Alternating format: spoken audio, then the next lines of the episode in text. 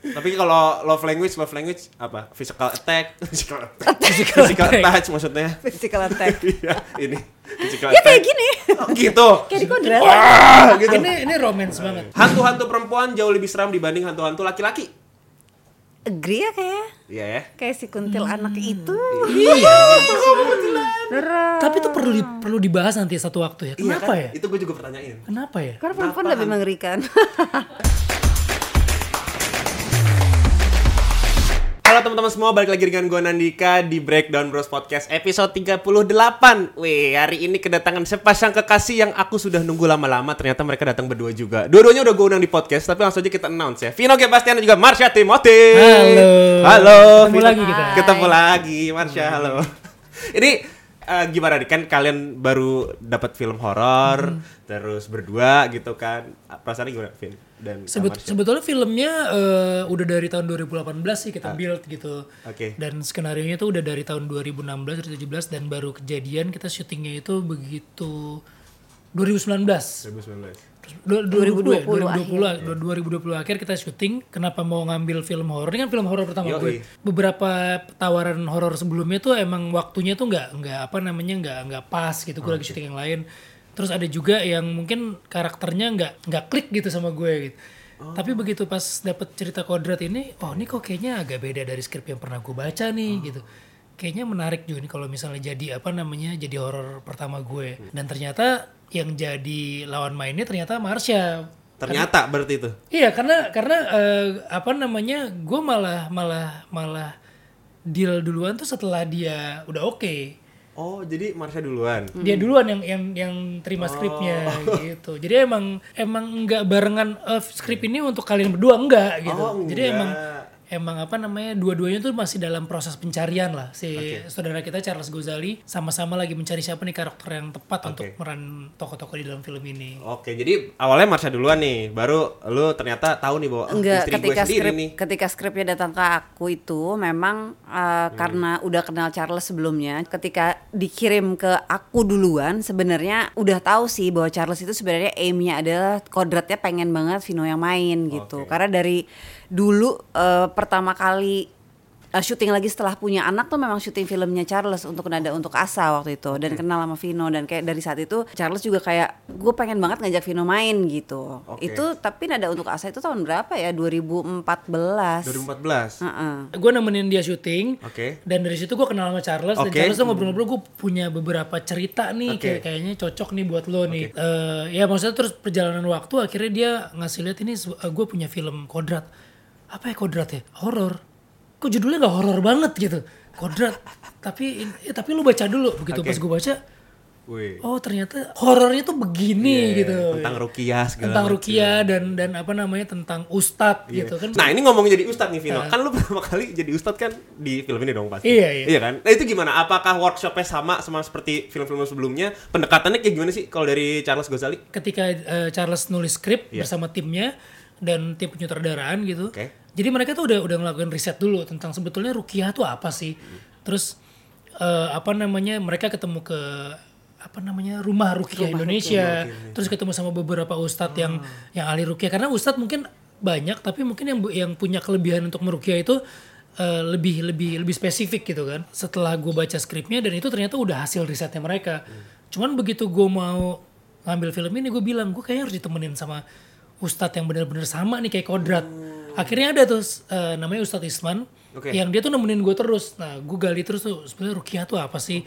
Apakah bacaan-bacaan yang di dalam sini itu eh, benar-benar untuk rukiah dan ternyata iya.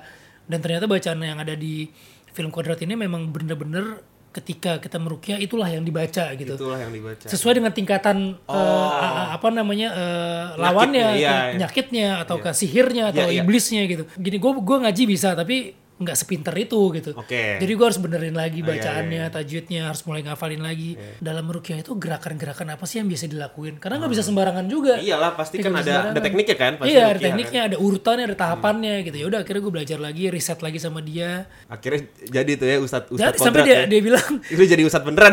buat ngedalamin apa saya buka aja ya eh, apa namanya apa ya disebutnya penglihatannya biar bisa ngelihat Mata batin gitu ya? mata batin lah kak jadi gue bisa ngelihat sebenarnya apa sih yang dilihat sama seorang ustadz ketika kayaknya nggak sampai sejauh itu sih ustadz kayaknya ustadz kasih tahu aja gambaran sosoknya kayak gini gitu nggak usah gue ngeliat beneran nanti gue malah nggak hafal lagi hafalan gue buyar lagi Iya, nanti. di, di lokasi malah ngeliat yang aneh-aneh lagi. iya gue takutnya jadinya ke situ arahnya Eh, Vino sebagai Ustadz Kodrat. Ustadz Kodrat. Eh, Marsha Timothy sebagai Yasmin. Yasmin. Nah, Yasmin ini siapanya Ustadz Kodrat?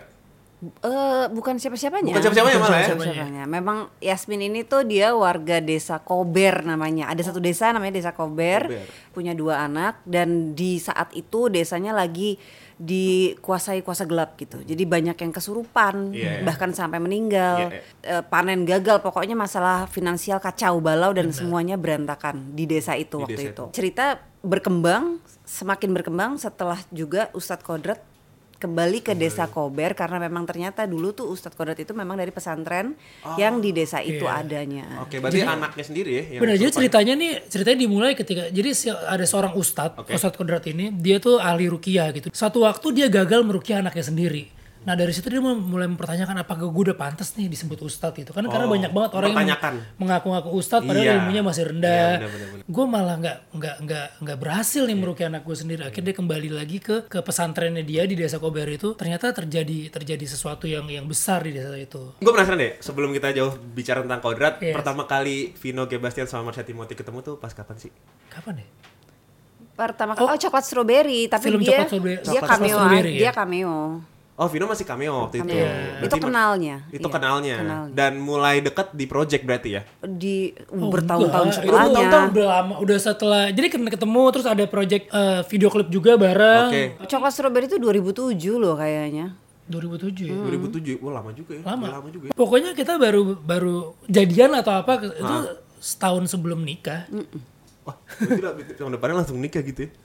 Ya ternyata emang jalan hidupnya kayak gitu. Iya, Kodratnya iya. kayak gitu. Ah, kodratnya kayak gitu, bener-bener. Tapi akhirnya gue ngelihat kalian berdua main di film horror tuh ya ini gua mungkin bisa dibilang masterpiece lah ya. Harusnya kalau kalian berdua biasanya yang main ya. film drama, akhirnya main film horror bareng, itu suatu ibaratnya keberanian juga buat ngambil project film horror. Soalnya kan film horror sekarang kan ya banyak banget ya. Banyak banget, Udah gitu banget. pilihan pemainnya banyak, terus Banyak, ternyata banyak Charles Gozali milih Marsha Timothy dan Vino G. Bastian gitu yang menjadi pemeran utamanya. Dan banyak juga sih orang yang salah kaprah gitu. Ah. Kenapa, ken- lo kenapa ngambil film horor gitu? Kayak- Kenapa enggak gitu maksud gue?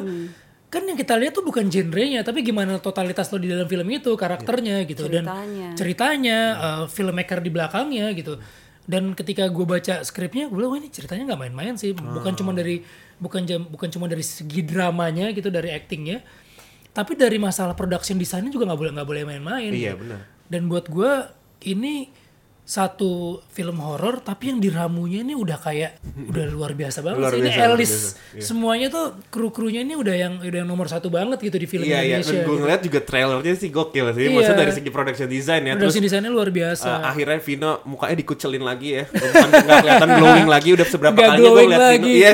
dikotorin lagi, di- Kotorin lagi setelah ada dorojak yang sekotor itu mukanya. ternyata lebih kotor lagi. Ini kok kucel juga ya, keren tapi nih orang. di sini jiwa gue bersih loh. Oh iya, mesti tahu. ya. Oh, penampilan gue kotor tapi jiwa gue bersih. Karena Yang film yang terakhir Baby Blues kemarin aku tahu jiwa kamu bersih ya. Ya, Curhat tentang istri gimana bener, ya kan? bener, bener, Masalah bener. hobi yang Masalah di hobi. harus tapi di itu dulu jangan dibuka di sini. Iya jangan dibuka di Iya, sini. jangan dibuka di sini. Karena ada caca, Benar, benar. caca, ya. Nah, ini tuh syutingnya di mana dan berapa lama? Kita ada di Jakarta, ada di em, em, iya Jakarta, eh, Jogja, yaitu di Wonosari, eh, ke arah Ke arah barat, ke arah itu paling gak ngerti itu kalau di Jogja itu. Iya. Enggak, enggak, enggak, Arah gue juga ngerti, enggak ngerti arah. Gunung Kidul itu kan. Iya, Iya, Gunung Kidul. Kidul. Di Itu kotanya juga ada. Terus eh, Cisarua terakhir. Terakhir Cisarua. Puncak. Oh. Karena sebetulnya pada saat kita kita lagi syuting itu kan lagi PPKM. Jadi emang kru tuh harus di bubble dan tiba-tiba virus Covid yang Delta itu lagi naik. Jadi kita harus Oh. stop ya harus pindah dulu. Di Jogja itu stop, bulan. jadi belum selesai kita stop. Oh, belum selesai syuting udah harus Iya. stop karena pandemi ya? Pandemi dan filmnya juga ada ada periodiknya juga ada Oke. beberapa masa juga jadi kita ambil yang yang masa awal dulu habis itu ada perubahan eh, fisik lah dari si karakter-karakternya terus kita syuting kira-kira berapa bulan kemudian dan break lagi karena pandemi mulainya empat bulan kemudian jadi kayak kejeda-jeda gitu Nah kalau syuting itu biasanya kan kalian berdua kan syuting nih. Ah. Terus anak diajak syuting juga? Itu itu kan pandemi ya, jadi Pan- Gizi, anakku gizi. online. Oh, Jadi dia ikut. jadi bisa kita seret kalau kasih syuting Iya, Ikut. dia ikut Bisa, terus. ikut. Karena udah udah kelas 3 waktu itu, Oke. jadi memang kalau misalnya memang nggak pandemi dan nggak online agak nggak mungkin ya dia Iya.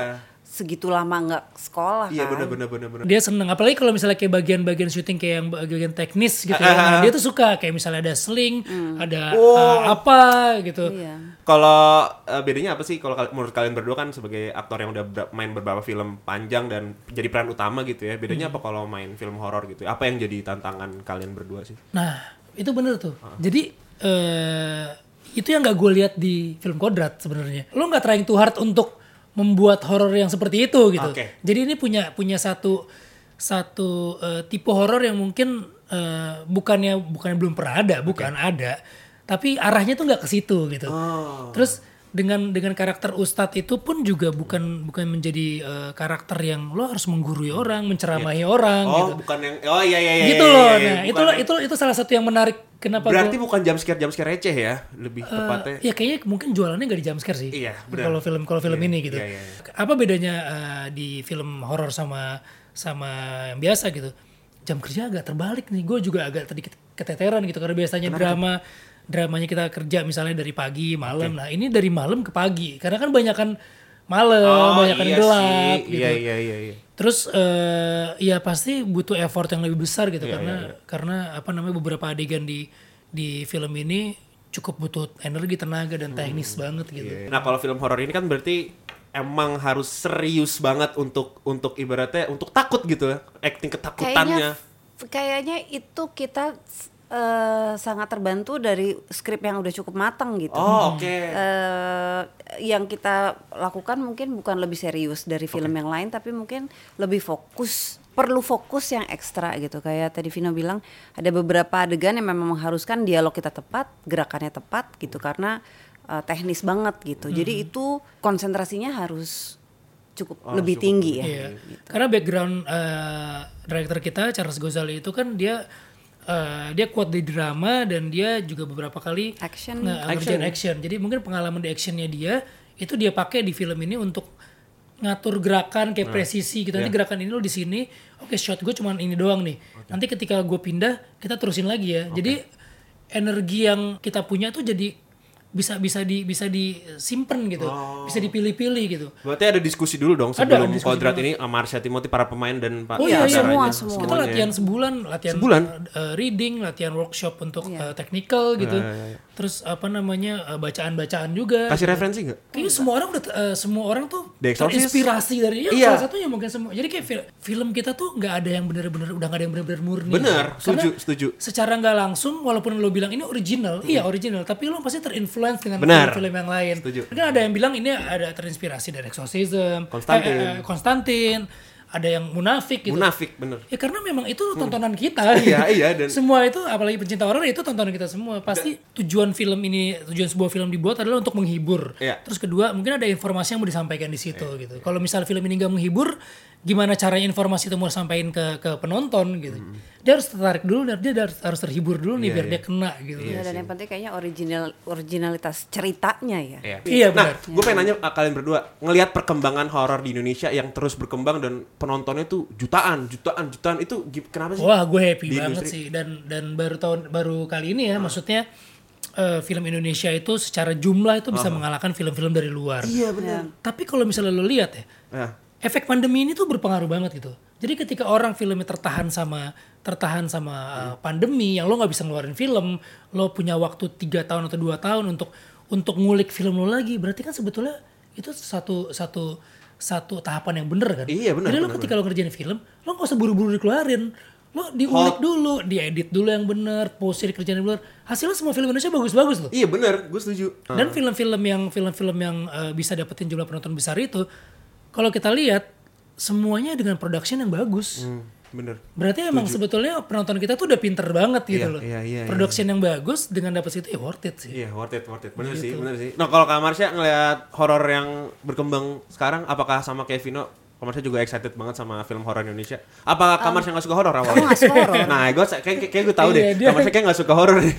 Nggak Oh, nonton aku film-film nggak horor. takut kalau nonton film yang aku perankan sendiri mah nggak takut. Karena tahu lah di ininya. iya, iya. Kalau film horor lainnya aku takut. Oke, Jadi kalau contohnya. nonton tuh selalu dipaksa-paksa sama dia. Oke, jadi kalau misalkan si Kodrat ini adalah film horor pertama kalian berdua, nextnya mau main film horor lagi dong pasti. Tagihan dong. Mau mau aja Mau- kalau mau. Kalau punya- lain kalau. Kalau punya- budgetnya gede masih masih mau.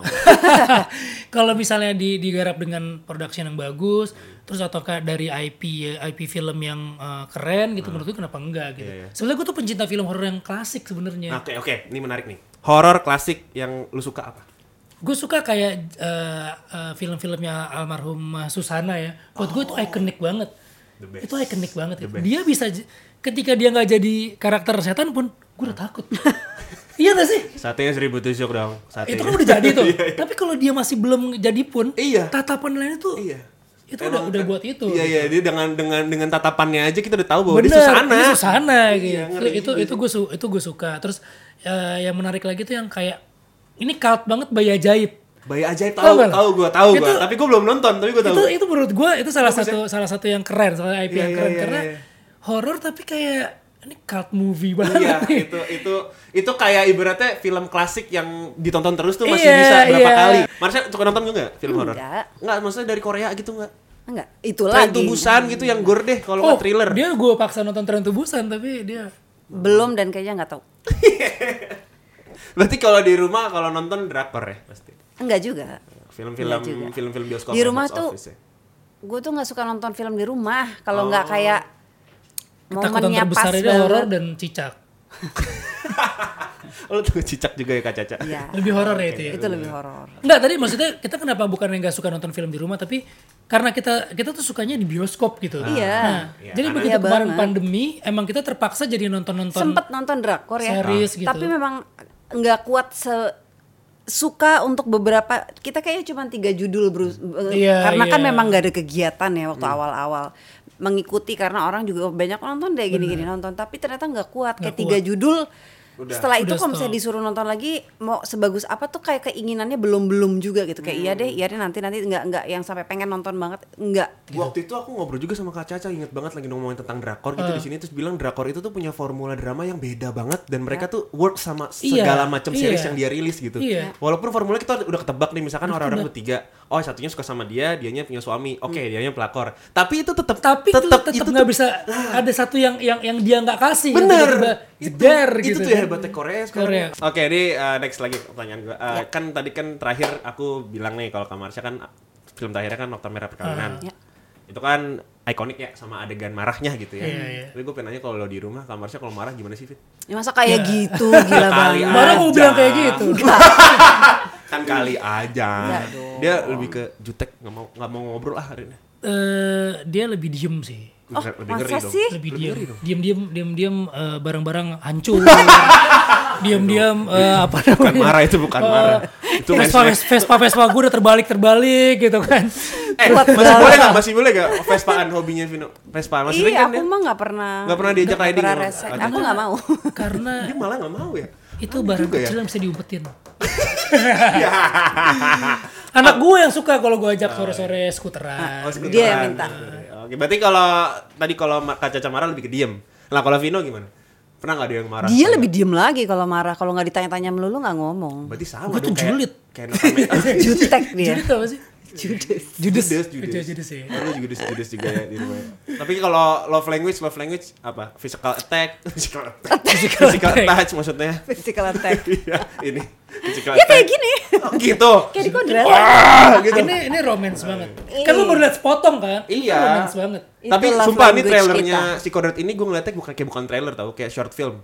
Masa sih Iya, karena udah udah, udah, udah, udah, udah menjalankan satu cerita ya. Sudah menjalankan satu cerita. Iya, Itulah pinternya menipunya sebuah trailer. Iya gitu. Oke, kita akan masuk ke agree or disagree lagi. Ini kalau misalnya bilang sepakat, terus kasih alasannya. Kalau nggak sepakat juga kasih alasannya. Oke. ya. Oke. Oke. Marsha Timothy dan Vino G. Bastian. Uh, agree or disagree? Unsur gore dan jumpscare adalah titik aman sutradara untuk menangkut-nangkuti penonton. Untuk saat ini sih agree. disagree Eh, Ma- maksudnya nih. Ah oke gak Gak apa-apa. Kalau dari Kak Caca dulu yang disagree dulu. um, jump scare itu kayak beber- untuk beberapa orang eh gue nggak nonton ya tapi untuk beberapa orang teman gitu mereka kayak merasa seperti udah tahu titik-titik mana yang Ya. akan kira-kira mengejutkan gitu. Setuju. Tapi kalau misalnya dari lebih kayak dari sisi kedalaman cerita plus emosi juga menurut gue itu lebih ngeri kayak Ah. Kayak gue gue suka banget horor itu The Others. Ini Kayak- komitmen ya. Iya, itu mengerikan kan Iya, gitu. parah. Tapi maksudnya bukan seperti bukan jump scare Ya, gitu karena dia tipenya. sakit gitu ya. Jadi diri dia sendiri sebenarnya lawannya terbesar. Iya gitu atau ya. um, eh, apa Six Sense itu juga Sixth enggak Sense juga. enggak se- enggak yang terlalu kayak jump scare yang Ya, kayak ya, gitu ya. juga. Beda lah ya dari segi kamera movementnya nggak ketebak lah ya. gitu. Oke kalau Vino agree. Gue sepakat sama dia. Karena maksudnya sepakat dalam arti karena gue tipe penonton film horor yang sukanya kayak gitu. Oke. Tapi di Indonesia tipe eh, apa namanya eh, gore kayak terus yang yang slasher atau yang yang apa namanya jump scare itu itu masih sangat banyak dinikmati gitu. Iya. Harus diakuin. Bener sih. Iya. Eh, dan dan banyak film-film eh, eh, horor Indonesia yang jumlah penontonnya banyak itu dengan formula yang itu. Oke. Karena kenapa? Karena mungkin orang nonton tuh bukan cuma pengen dapetin ceritanya, tapi emang pengen ditakut-takutin aja. Pengen pengen dapetin eh, Euforia itu ya? euforianya aja. Kadang dia datang ke bioskop cuman untuk eh, ngelihat temennya ketakutan, Oke. cuman untuk eh, ngerasain itu doang. Tapi sebenarnya dia nggak relate sama ceritanya. Paham. Iya. Jadi kalau misalnya dibilang works atau enggak, untuk saat ini dan di Indonesia itu works. Works, works, Iya. works, works. Tapi kan kalau misalnya kita lihat film-film di negara lain, misalnya kayak film horor Eropa, dia nggak ngandelin James scare, ja, James scare, Contoh Midsommar lah ya. James scare. Iya, misalnya kayak Midsommar. Iya iya seperti horor yang situasional gitu Iya, ya. Iya, iya, gitu. oke. Itu itu Setuju, setuju, setuju, setuju. Next. Oke, Vino Gebastian dan Marsha Timothy agree or disagree? Film horor Jepang jauh lebih seram dibanding film horor Thailand. Tapi kalau Marsha Timothy nggak nonton film horor. Iya nih Iya. gue nggak tahu jawabannya apa. Udah gitu film horor pertama lagi. Vino dulu deh. Kalau gue lebih ngeri dari secara secara tadi ya darah-darah. Kalau Jepang Oke. dari apa namanya dari dari yang eh, gorinya. Tapi kalau secara cerita, gue masih lebih suka Thailand. Oh. kayak misalnya Shutter eh, buat gue itu bukan cuman ceritanya yang horor tapi psikologisnya tuh Ya, ya. gitu gitu Ya, ya, ya. terus Fobia gitu-gitu bener ya. terus eh, Thailand tuh juga udah berhasil bikin bikin film horor komedi yang agak sulit tuh diikuti sama negara lain tuh Ya, ya, ada- ada formulanya ada lagi, formulanya ya. lagi tuh dan itu yang belum belum belum Indonesia bikin horor komedi gue rasa eh, masih terinspirasi dari Thailand Oke. jadi kalau misalnya kalau misalnya serem atau nggak serem itu pasti relatif. Tapi kalau gue gue masih kesereman yang gue dapetin gue lebih serem yang di Thailand. Iya, iya, iya. Tapi kan kalau horor komedi di Indonesia waktu zaman itu beda lah. Beda, beda. Beda dong pasti. Itu tahu ya. Kalau yang kita tahu. yang Jepang tuh lebih ngeri karena karena darah dan lain Iya, iya. lebih. Dan kayak muka orang Jepang kalau disetanin lebih serem. iya. Iya, maksudnya maksud gue Dijadiin setan. Iya, maksudnya jadi Didadanin setan gitu. Tapi kayak kan, The. The Ring itu juga serem banget sih. Iya, kan dari Juon juga kan. Jepang juga ya. Iya. Sama deh. sama, sama. Setara makanya gue bilang lebih serem sih mana. kayaknya. Jadi jawabnya disagree apa apa tuh? Agree aja deh. Agree aja deh. Agree aja deh. Setara ya. Gue udah komen ya. Oke, nggak apa-apa, siap. Karena- Kalau Kak Marsha kan takutnya sama mumi yang di, di, di, di Marlina, di Marlina. Enggak itu juga gue gak tahu. Dia tahu dia takutnya setan kredit warkop. Itu beda setan ya, Pak. Beda setan. Oke, next yang ketiga. Agree or disagree, tidak ada hantu yang lebih seram selain hantu-hantu di Indonesia. Agree. Kalau gue iya sih. Iya, ya. Dari yang peng- apa itu yang maksudnya baca lihat di trailer atau apa tuh kayaknya iya di. Iya, dan gue tuh tipe juga yang kayak eh, bukan karena ini bukan karena di kodrat ya. Oke. Film-film horor zaman dulu yang ketika dia udah mulai baca-baca Yasin atau apa, Iya. itu bikin bikin seri gitu. Karena kan kenapa? Karena kita kan setiap kita ngelayat yang kita temuin itu orang baca Yasin apa. Relate sama kuburan, sama genderuwo, kuntilanak. Apa yang paling lu takut deh, Vin? Kalau ngelihat perawakannya gitu. Kalau dari perawak penampakannya, kalau gue masih kalau gue tetap serem yang yang versi kuntilanak ya. Maksudnya Kuntilanak ya. cewek berambut panjang. Itu. itu itu itu gue Itu lebih. udah ikonik di Indonesia. Soalnya Cewek- katanya kuntilanak, kuntil, eh, yang cewek berambut panjang itu belum tentu kuntilanak, ada macam-macamnya katanya. Iya, iya, iya. Jadi kita s- cewek berambut panjang aja lah ya. Iya, iya, Iya, iya. oke. itu. Cewek berambut panjang berarti Cewek berambut agree ya. Itu itu Oke. itu serem. Berarti nggak ada itu kan guys, lu setuju nggak nggak ada hantu-hantu yang lebih serem dibanding hantu Indonesia? Iya. Oke, next keempat nih, dua pertanyaan terakhir. Hantu-hantu perempuan jauh lebih seram dibanding hantu-hantu laki-laki. Agree ya kayak Iya ya. kayak si kuntil anak itu. Iya. Beneran. Tapi itu perlu di- perlu dibahas nanti satu waktu ya. Iya Kenapa kan? ya? Itu gue juga pertanyain. Kenapa ya? Karena perempuan Kenapa lebih mengerikan. Nah, mungkin iya kan? Walaupun ya eh, faktanya sering banget eh, karakter-karakter kuntilanak di film Indonesia biar lebih serem dipakein case-nya cowok. Masa Ada loh. Biar Oh, lebih iya? serem. Iya. gitu? jadi jadi cowok yang jadi jadi setannya karena secara eh, Kontur, garis-garis mukanya tuh konturnya mungkin lebih lebih keras, lebih keras, lebih serem. besar kali ya juga ya. Trivia ya kayak trivia Iya, jadi gue baru tau, gue baru tau, serius. Oh, oh. Iya mungkin dan dari segi badan juga lebih gede gitu Bisa ya. mungkin iya, gitu. Posturnya kayaknya Maksudnya efek lebih ganjil kamera, gitu kan, Iya, efek lebih di ganjil. kamera iya ya kayaknya. Iya, ya. Tapi agree nggak, Vin? Tadi hantu-hantu eh, perempuan lebih serem daripada hantu Iya sih, Iya, iya kan? sih. Iya kan? Bener sih. Tapi agree kan? Hantu hantu perempuan ya. Tapi kita harus tahu yang ntar bahas sepatu podcast undang kita kenapa tuh hantu perempuan tuh relate sama kita gitu. Mungkin Maksudnya- kalau kalau yang laki-laki itu seremnya kalau dia udah jadi pocong ya, misalnya ya kan dibungkus Ah, iya, iya, iya. laki-laki tuh eh, Dia pakai ini ya. Ah, itu itu serem laki-laki gitu. Ya oke. Oh, jadi ngeri ya. ini. oke, yang terakhir. Agree or disagree? Film horor Indonesia di bioskop belakangan ini kualitasnya semakin berkembang. Agree. Oh, agree, agree banget. Bukan cuman kualitasnya tapi juga dari ceritanya juga mulai berkembang. Oke. Nextnya berarti film horor ditunggu lagi ya, Vino dan Marsha Timothy. Ya, amin. Ya, mudah-mudahan ini mudah-mudahan ini eh, mendapatkan eh, respon yang bagus. Jadi kita juga semangat lagi untuk Oke. masuk ke genre horor. Kita mau di podcast ini lagi ya. Siap. Thank you banget ya Vino ya. Thank you banget, Thank thank you you ya banget. Marsha, thank you banget ya. Sebuah kehormatan bisa ngobrol-ngobrol sama kalian berdua. Terima kasih semua yang udah nonton. Terima kasih. Terakhir dong untuk promosi film terbaru kalian Kodrat ini di kamera sini aja boleh yang tengah. Oke buat eh, teman-teman semua jangan lupa saksikan film Kodrat tanggal 27 Oktober di seluruh bioskop Indonesia. Tandanya sudah tayang. Yes, itu kemarin.